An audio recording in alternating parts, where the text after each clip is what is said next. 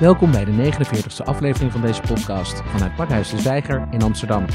Mijn naam is Maurice Leekie en ik spreek met Hilde Blank, stadsbouwmeester van Leiden, directeur van AN Concepts en directeur van BVR Adviseurs. Op maandag 28 oktober is Hilde te gast tijdens het programma De Ziel van de Stad in Pakhuis de Zwijger.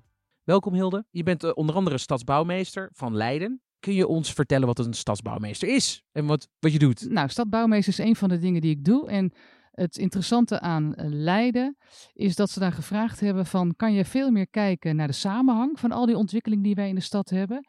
Je kan je voorstellen dat steden een verzameling van projecten is. En daar was heel erg de vraag van als we al die projecten samen zien en we zien die ontwikkeling, hebben we dan wel de stad die we echt willen zijn?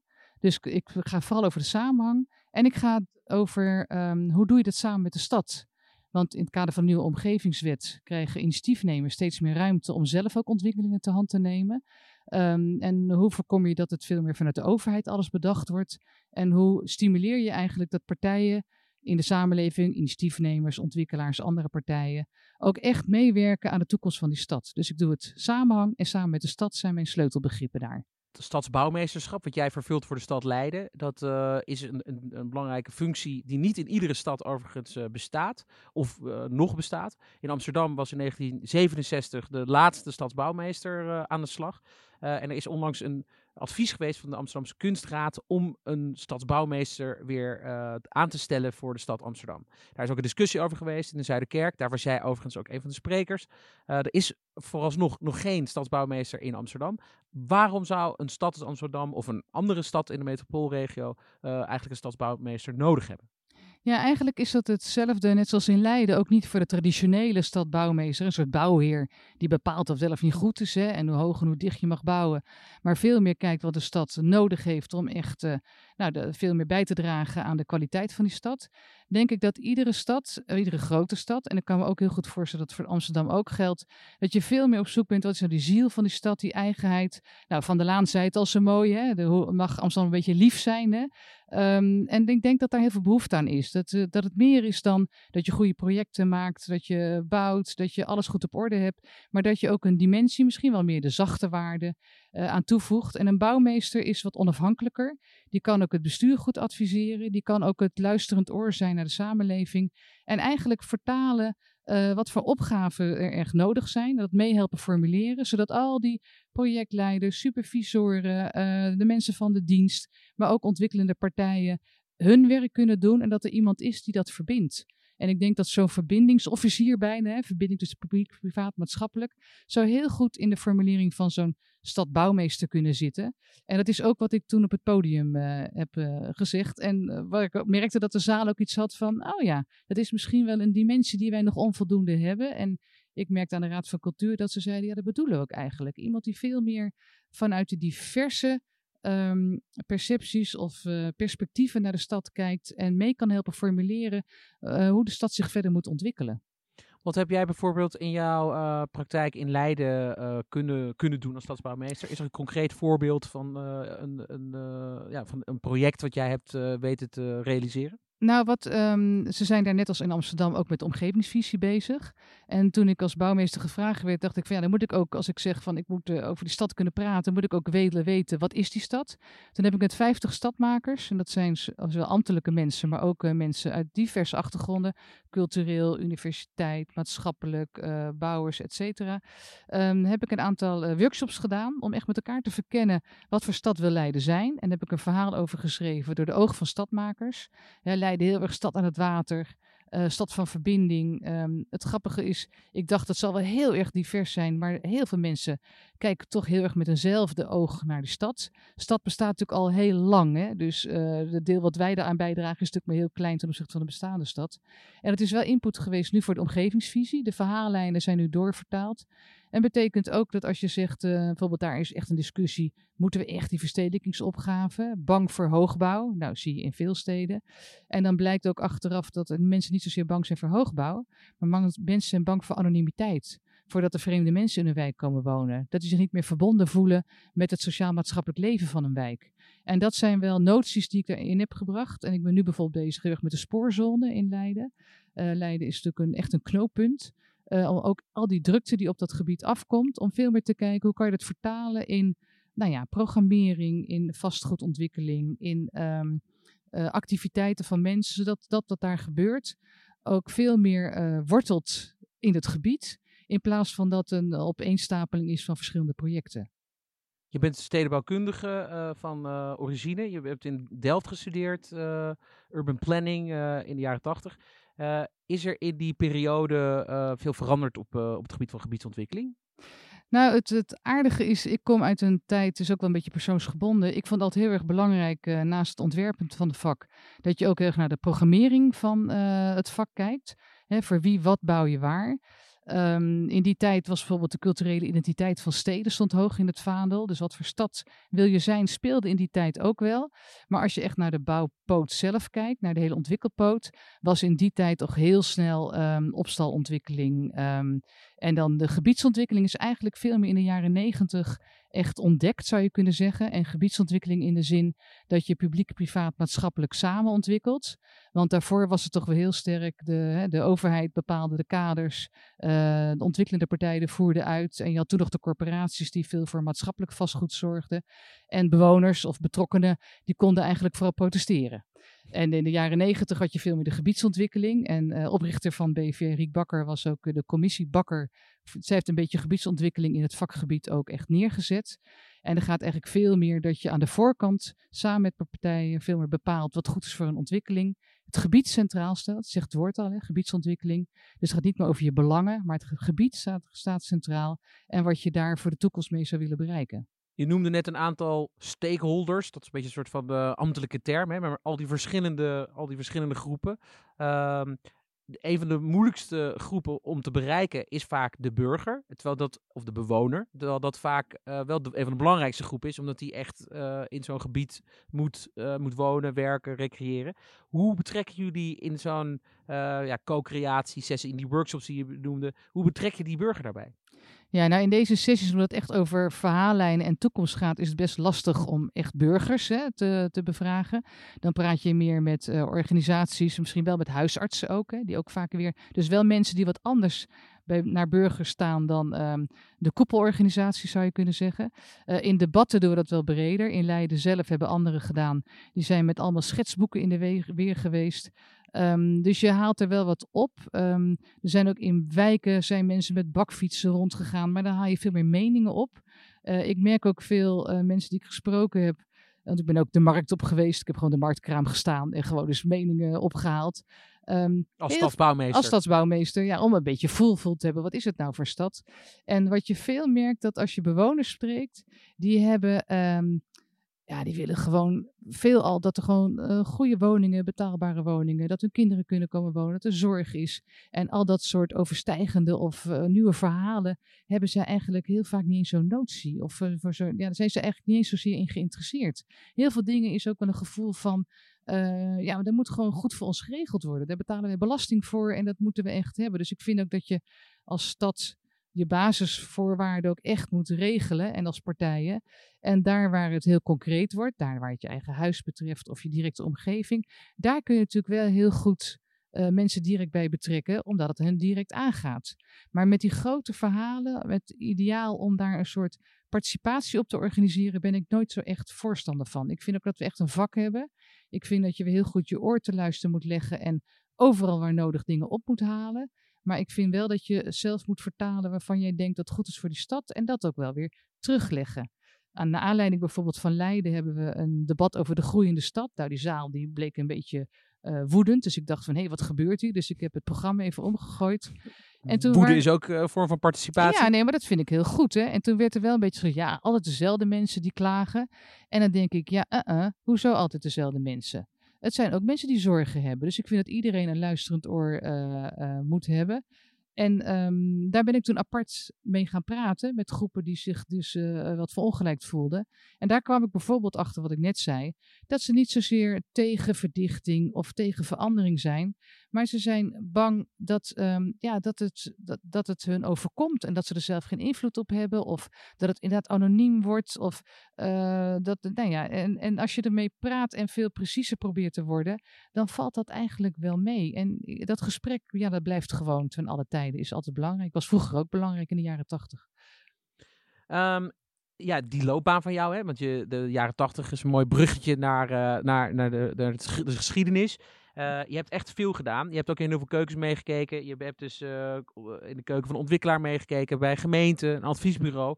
welke inzichten heb je vanuit al deze keukens meegekregen om jouw rol als bouwmeester optimaal te kunnen vervullen? Toen AM, um, ehm, dat is die ontwikkelaar, toen zij een nieuwe directeur concepts nodig hadden, uh, toen ben ik gebeld en toen zei ik, nou nee, ik ben al directeur, ik heb eigen adviesbureau en hoezo een ontwikkelaar? Ik ben toch meer iemand iets van de publieke zaak. Um, en toen zei ze, nee, we willen eigenlijk net als het Rijk en Rijksbouwmeester heeft, ook een bouwmeester die ons ook helpt in deze tijdgeest als anders naar onze opgaves te kijken. En dat die onze ontwikkelaars ook meeneemt van, uh, wij hebben ook een verantwoordelijkheid. En toen dacht ik van, verdorie, dat is leuk. Want in mijn werkveld en in mijn verleden, natuurlijk doen we ook wel wat voor ontwikkelende partijen, maar heel vaak doen wij toekomstvisies, langetermijnvisies, gebiedsontwikkelingen en dat is veel papier. Veel beleid wat ook in raadsvergaderingen uh, eindigt. Hè, en mooie ambities, mooie besluitvorming. Het is, het is geen la, want het, heeft altijd, het brengt altijd weer iets teweeg. Uh, we bouwen ook in Duin trouwens met het bureau, dus we bouwen ook wel. Maar toen dacht ik, hey, bij een ontwikkelaar bouwmeester zijn, dan leer ik een andere kant van het vak. Dan leer ik echt wat er bij bouwen en realiseren bij komt kijken. En um, zoals, zoals ik ook uit mijn comfortzone daarvoor moest stappen, uh, blijkt ook dat ik heel erg bezig ben met een brug te bouwen tussen beeldvorming van publieke en private partijen.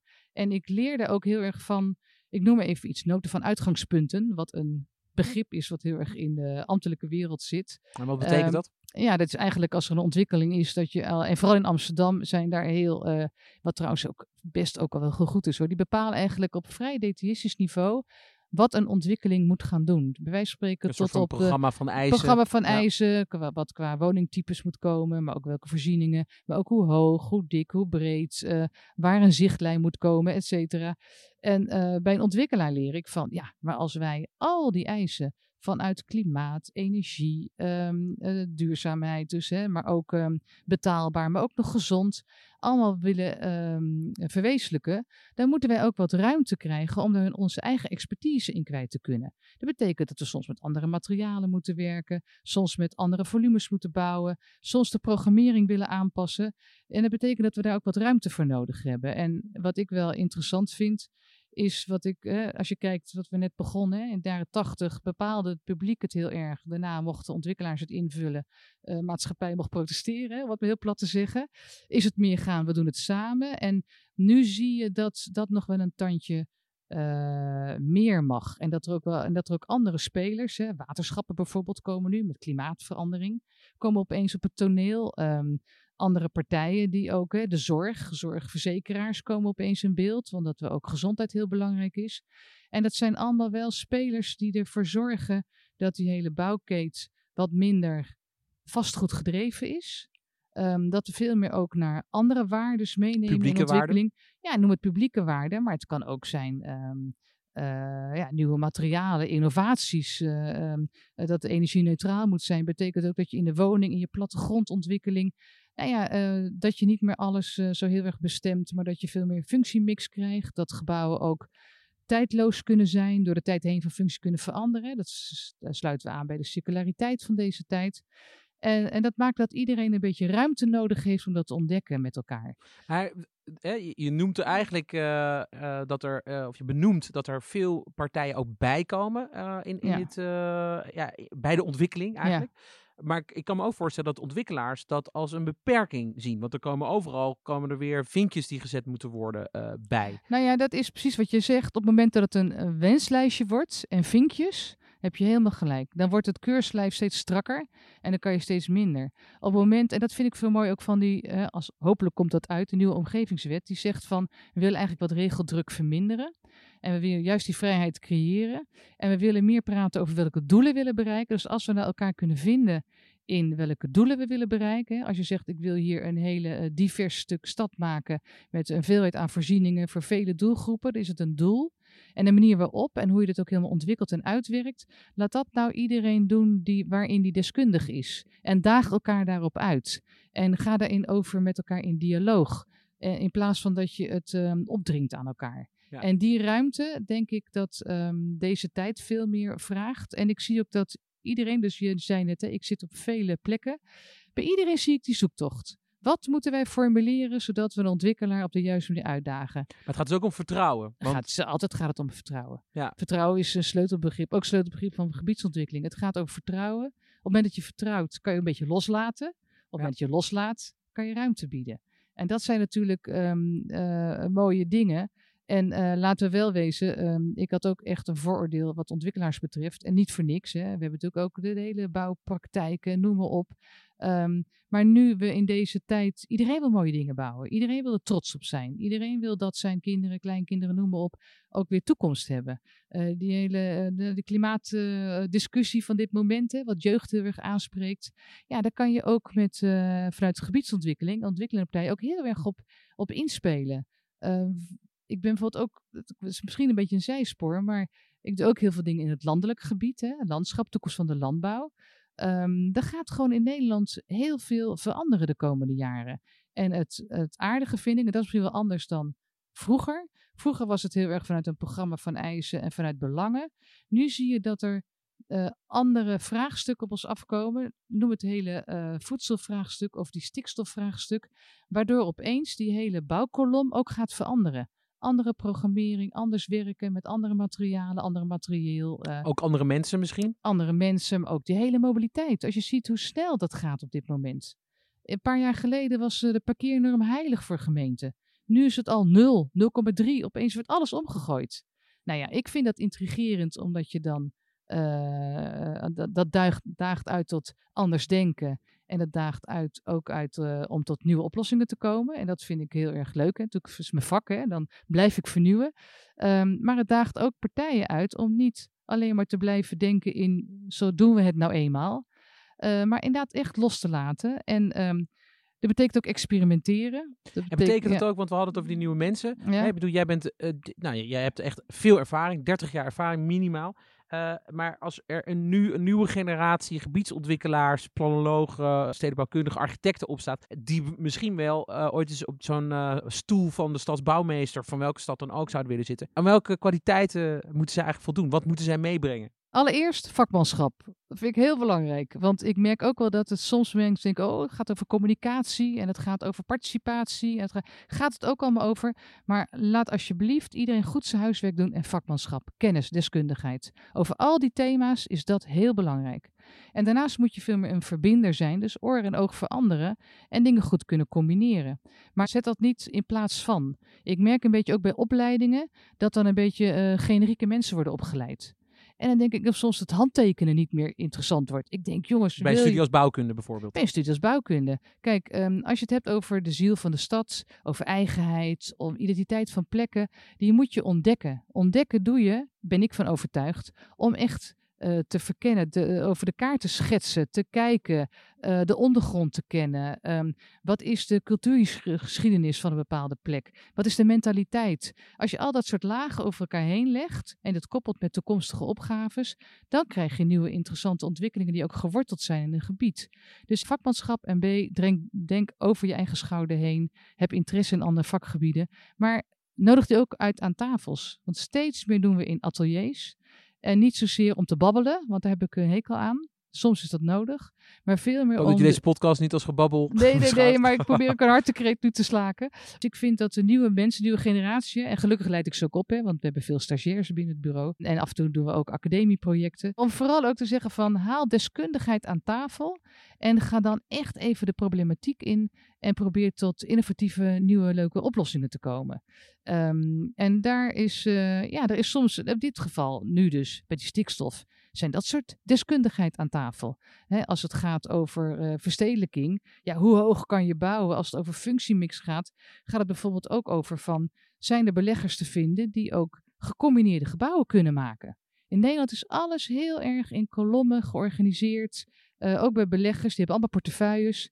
Terwijl deze tijd vraagt veel meer om mixen, mengen, variatie. En dat, dat noemen jullie ook, letterlijk dit, in jullie voorwoord van de publicatie Samen Stad maken die je met AM hebt uh, gemaakt. Want daarin doe je een soort uh, oproep in dat voorwoord. Het is ook een soort van hartekreet. Ik, ik lees hem gewoon even letterlijk voor. Ja. wat jullie eigenlijk vragen is, je doet een oproep aan alle partijen die verantwoordelijk zijn voor de...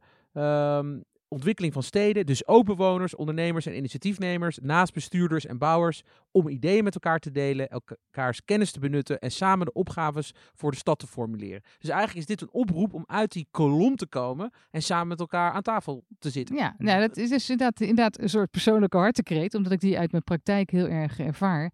En uh, als ik nog een casuïstiek uh, mag noemen. Ik had laatst een, um, vanuit hele andere pet, omdat ik uh, ook studerende kinderen heb en ehm, ook eigenaar dan ben van een, een appartementje. En die gingen naar bewonersavond voor een nieuwbouw ernaast. En toen zei iemand van de bewonersvereniging, omdat je toch een beetje ook naar de bewoners wil, die zei, ja, er is een initiatiefnemer, en, maar ja, die gaat deels op ons grondgebied. Ik heb hem maar niet uitgenodigd, want dat willen wij natuurlijk niet. En dus die moet zich houden binnen de regels die gegeven zijn. En toen kon ik het niet nalaten. Ik zeg, ja, sorry dat ik, ik ingrijp, maar ik, het is een beetje mijn vak. Ik ben stadsbouwmeester van Leiden. Ik weet één ding zeker, met deze houding wordt het nooit mooier. Want dan gaat iedereen zich in de regeltjes voegen en dan krijg je nooit de vernieuwing. Dus ga alsjeblieft in gesprek en wees wel duidelijk wat je wel en niet wil, maar probeer samen tot een nog beter plan te komen. En dat merk ik wel. Dus dat is wel een beetje het oproepen. Dan kom je toch ook alweer een beetje bij bewoners. Of mensen die bewonersverenigingen voorzitten. Of die daar een, hobby in hebben. Ehm, ja, probeer wel iedereen, ik zeg altijd, iedereen moet een beetje um, veranderen. Ik ook. Wil je ruimte creëren om samen tot nieuwe goede oplossingen te komen. En dat geldt voor veel partijen. En ik merk wel dat heel veel partijen die ik tegenkom, dat ook allemaal willen. Maar dat ze um, denken soms moeten acteren zoals ze doen, omdat het nou eenmaal van hun verwacht wordt. Een fietsersbond praat over fietsers, want die is van de fietsers. Terwijl die misschien ook wel gaat over bewegen. En op een hele andere manier aangesproken zou willen worden. Dus dat is wel interessant als iedereen, um, nou ja, als we daar ook een beetje in getraind worden om niet, um, bijvoorbeeld in de, we noemden het boek Samen Stad maken. Dat is een resultaat van een prijsvraag. Die we hebben uitgeschreven, Emma Included. De winnaar van de prijsvraag die had ondertussen, een van de elementen was get to know the unknown. Voordat je aan ontwikkeling gaat beginnen, leer eerst die andere eens kennen. Wat beweegt hem? Hoe zit hij in elkaar? Kweek inderdaad dat vertrouwen. En dan kan je samen op een hele andere manier naar opgaves kijken. En dat we allemaal vooringenomen met onze eigen manier van denken aan tafel gaan zitten. Dan gaan we even naar zijn opgave toe. Een hele concrete, uh, eentje waar iedereen eigenlijk op een bepaalde manier mee bezig is in Nederland op dit moment. Uh, en eigenlijk in alle steden, alle regio's. En dat is de woningbouwopgave. Mm -hmm. Ook in de MRA-regio, dus de metropoolregio Amsterdam, is men er mee bezig. Er is een soort van doel gesteld. 15.000 woningen per jaar moeten er eigenlijk bij komen. Om dus die woningopgave uh, enigszins te kunnen tackelen. Nou, dat is dus natuurlijk bij uitstek een opgave waar iedereen bij betrokken zou moeten zijn en waar stadsbouwmeesters bij betrokken moeten zijn. Stel nou dat, dat men jou voordraagt om stadsbouwmeester van Amsterdam te worden. Hoe zou jij deze opgave te lijf gaan? Je zegt 15.000 per jaar, hè? Dat is inderdaad best heel veel. Um, is dat inderdaad zoveel? Want als er tienduizenden, honderdduizenden mensen op zoek zijn naar een, een woning, dan klinkt 15.000 uh, woningen eigenlijk als gewoon iets wat gewoon overmorgen gerealiseerd had kunnen worden. Toch? Het klinkt eigenlijk niet als heel veel. Nee, het klinkt niet als heel veel, maar ik zeg dat het heel veel is, omdat je daar um, uh, gebieden voor nodig hebt die klaarstaan om gebouwd te worden. En daar zit natuurlijk het probleem. Er staan niet veel van die gebieden klaar om gebouwd te worden. De vanuitgaande, en daar ben ik enorm voorstander van, dat je niet zomaar klakloos gaat bouwen in de wei. Dus als je zegt, onze opgave is in het bestaansstedelijk gebied 15.000 woningen uh, te bouwen. Dat betekent veel transformatie, herstructurering. Uh, dat betekent ook gebieden de uittikken. Wat kan je vrijmaken voor die ontwikkeling? Ik neem aan dat we ook niet allemaal eenzijdig willen bouwen. Dus dat je ook heel divers wil bouwen. Voor, voor diverse doelgroepen, maar ook uh, verschillende identiteiten wil bouwen. En dat betekent uh, precisiewerk en maatwerk. En dat betekent ook kennis van de plek. En je wil ook niet uh, alleen maar bouwen om het bouwen. Je wil ook iets toevoegen aan de buurt en de wijk. Dus het is vrij complex en daarom noem ik dat het veel is. Uh, want we zitten niet in een, in een gebied waar je zomaar blank van alles kan gaan. Het is geen tabula rasa. Nee, het is geen nee. tabula rasa. En um, dus als je zegt van, goh, hoe zou jij dat aanpakken? Um, ik ben enorm van de kansenkaarten schetsen. En ik ben heel erg van grenzeloos kijken. Dus niet van uh, echt door, door en over grenzen heen. Ik ben ook iemand die heel erg kijkt van uh, waar liggen uh, logische plekken, goede structuren, waar liggen de knooppunten, waar je goed bereikbaar bent. En als je die bril gewoon eens gaat schetsen. Ik heb het ooit mogen doen voor de Randstad. Miljoen woningen bij in de Randstad, 2040. Eh, was ik atelierleider Stad Land. En als je dus 2008 grens- was dit ongeveer. Ja, ongeveer 2008. Voor de En- crisis. Ja. ja, dat was inderdaad voor de crisis, zelfde vraag. Dus als je grenzeloos mag bouwen en je gaat verkennen, dan is er best heel veel mogelijk. Ehm, dus ik zou vooral kijken van waar liggen de mogelijkheden. Ik zou ook kijken waar zit de energie in de samenleving. In de, en daar bedoel ik mee, ehm, waar hebben mensen ook eh, de profijt van? Waarin eh, is de weerstand klein? En dat mensen denken, oh, daar heb ik echt wat aan. Ehm, ik heb ook wel eens een project gedaan, Follow the Money. Ik zeg, waar zitten eh, plekken die het ook nodig hebben dat er in geïnvesteerd gaat worden? Of kan je meekoppelen kansen, omdat toch al geïnvesteerd wordt, omdat er andere opgaves gedaan moeten worden, zodat je gelijk erbij kan bouwen. Hè, energieopgave kan je prima combineren met een bouwopgave. Die hele herstructurering van wijken die energie niet neutraal te krijgen zijn, omdat ze niet zo gebouwd zijn. Nou, als je daar terugbouwt in een compleet eh, eh, andere dichtheid, kan je ook echt eh, flink bijbouwen. Dus ik zou vooral kijken naar kansenkaarten en er bijna een palet aan mogelijkheden maken, zodat je niet eh, eenheidsworsten krijgt, maar echt ook op een gegeven moment op verschillende plekken ontwikkelingen toelaat. En dan dat die optelsom dan 15.000 wordt. Dat is dan prima, maar niet in één gebaar. ehm à la een, zo, een soort algemeen uitbreidingsplan en een heel nieuw gebied. Ik vind dat je dat echt wel een beetje met eh, door de tijd heen ook de tijd ook zijn tijd de, tijd ook zijn ding moet laten doen, dat het ook een beetje kan wortelen, eigen identiteit kan krijgen. Dat vind ik wel heel belangrijk daarin. In Amsterdam wordt natuurlijk over zo'n woningopgave wordt heel veel gesproken door heel veel partijen, al jarenlang. Eh, en eh, zou het kunnen dat dat ook eh, iets typisch Amsterdams is als je het vergelijkt met andere steden, bijvoorbeeld als Rotterdam, waar een mentaliteit, en dit zijn allemaal wel een beetje korte Ja, ja. bochtjes, maar eh, waar meer een op, eh, oprollende mouwen ja, ja, ja. en Nee, maar ik ben daar eigenlijk is. van harte mee eens. Ja? Je, de cultuurverschillen zijn heel groot. En in sommige gemeentes is het gewoon echt, ehm, eh, nou ja, misschien wel inderdaad Rotterdam, dan toch even het cliché pakkend, veel meer van doeners. En ehm, Amsterdam is veel meer met praters. En ehm, je zei net van, stel dat je bouwmeester in Amsterdam bent. Ik denk, nou, ik weet niet of ik dat wel zou willen. Want hier wordt al zoveel eh, over elkaar heen gebuiteld. In gebieden waar natuurlijk wat minder ehm, adviseurs en partijen die het allemaal weten zitten, kan je misschien ook wel makkelijke meters maken. Dus als je altijd gelijk als je aanzicht gelijk het tegenwoord krijgt, ja, is het best lastig om snelheid te maken. Dus ik, nee, dus, eh, dus ik denk wel dat er zeker cultuurverschillen zitten. Ehm, ik denk ook dat je Amsterdam, eh, als je die opgave ziet, breed moet zien. Hè. Je hebt het over de MRA, neem ik aan. Dus het is gewoon ook de omliggende eh, gemeentes rondom Amsterdam. En er is op zich genoeg ruimte om daar nog heel veel te ontwikkelen. Ook als je wat meer kan combineren. Ehm, dat je ook eh, bedrijvigheid, de herstructurering van bedrijventerreinen vind ik bijvoorbeeld een hele belangrijke en een hele interessante.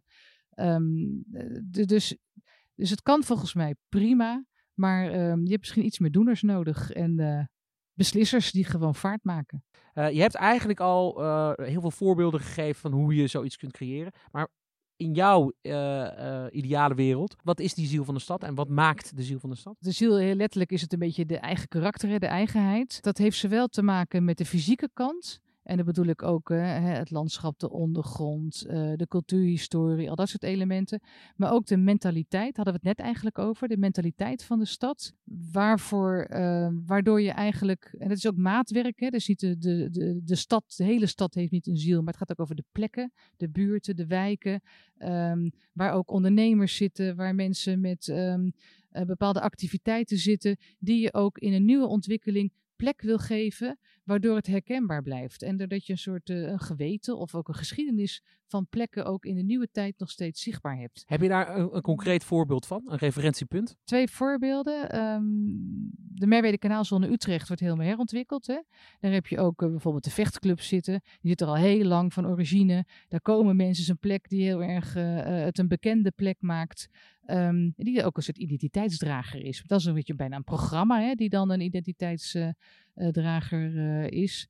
Ehm, maar je hebt natuurlijk altijd plekken in steden waarin je, waar je je heel erg fijn voelt. Omdat daar, ja, God, bijvoorbeeld in. Amsterdam of Rotterdam of Den Haag, even, even, even van die grote steden, welk, Welk gebied, wat zou je kunnen benoemen, waar dat goed is gegaan? Want eigenlijk hebben we het hier over natuurlijk de ideale wereld. Maar Ja, als ja. het goed is, is er ergens wel inmiddels iets ontstaan waarvan je zou kunnen zeggen, nou dat... Ik vind bijvoorbeeld wel, eh, nou ja, hoe dan de oprichter van BVR, Riek Bakker, de Kop van Zuid heeft ontwikkeld in Rotterdam. Wat heel erg met wederzijds profijt ging.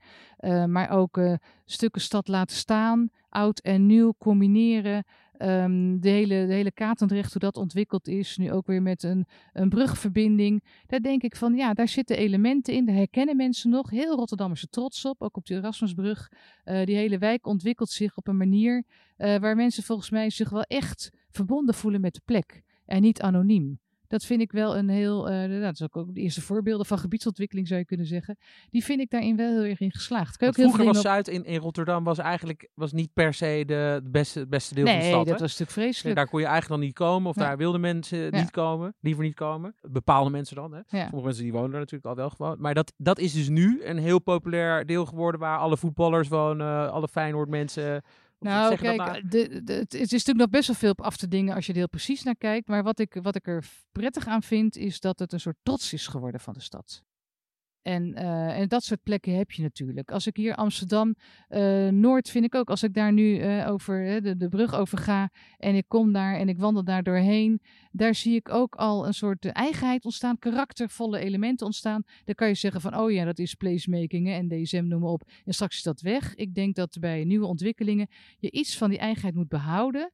Om daarmee ook weer identiteit te geven en kleur te geven. Waar En mensen daar graag dit- willen zijn. En kun je dit plannen of moet je het juist niet plannen? Ik denk dat je die eigenheid niet kan plannen. Die is er of is er niet, of ontstaat, of er zijn initiatiefnemers die iets ontdekken en iets doen. Maar als het er is, kan je het zeker meenemen in je ontwikkeling.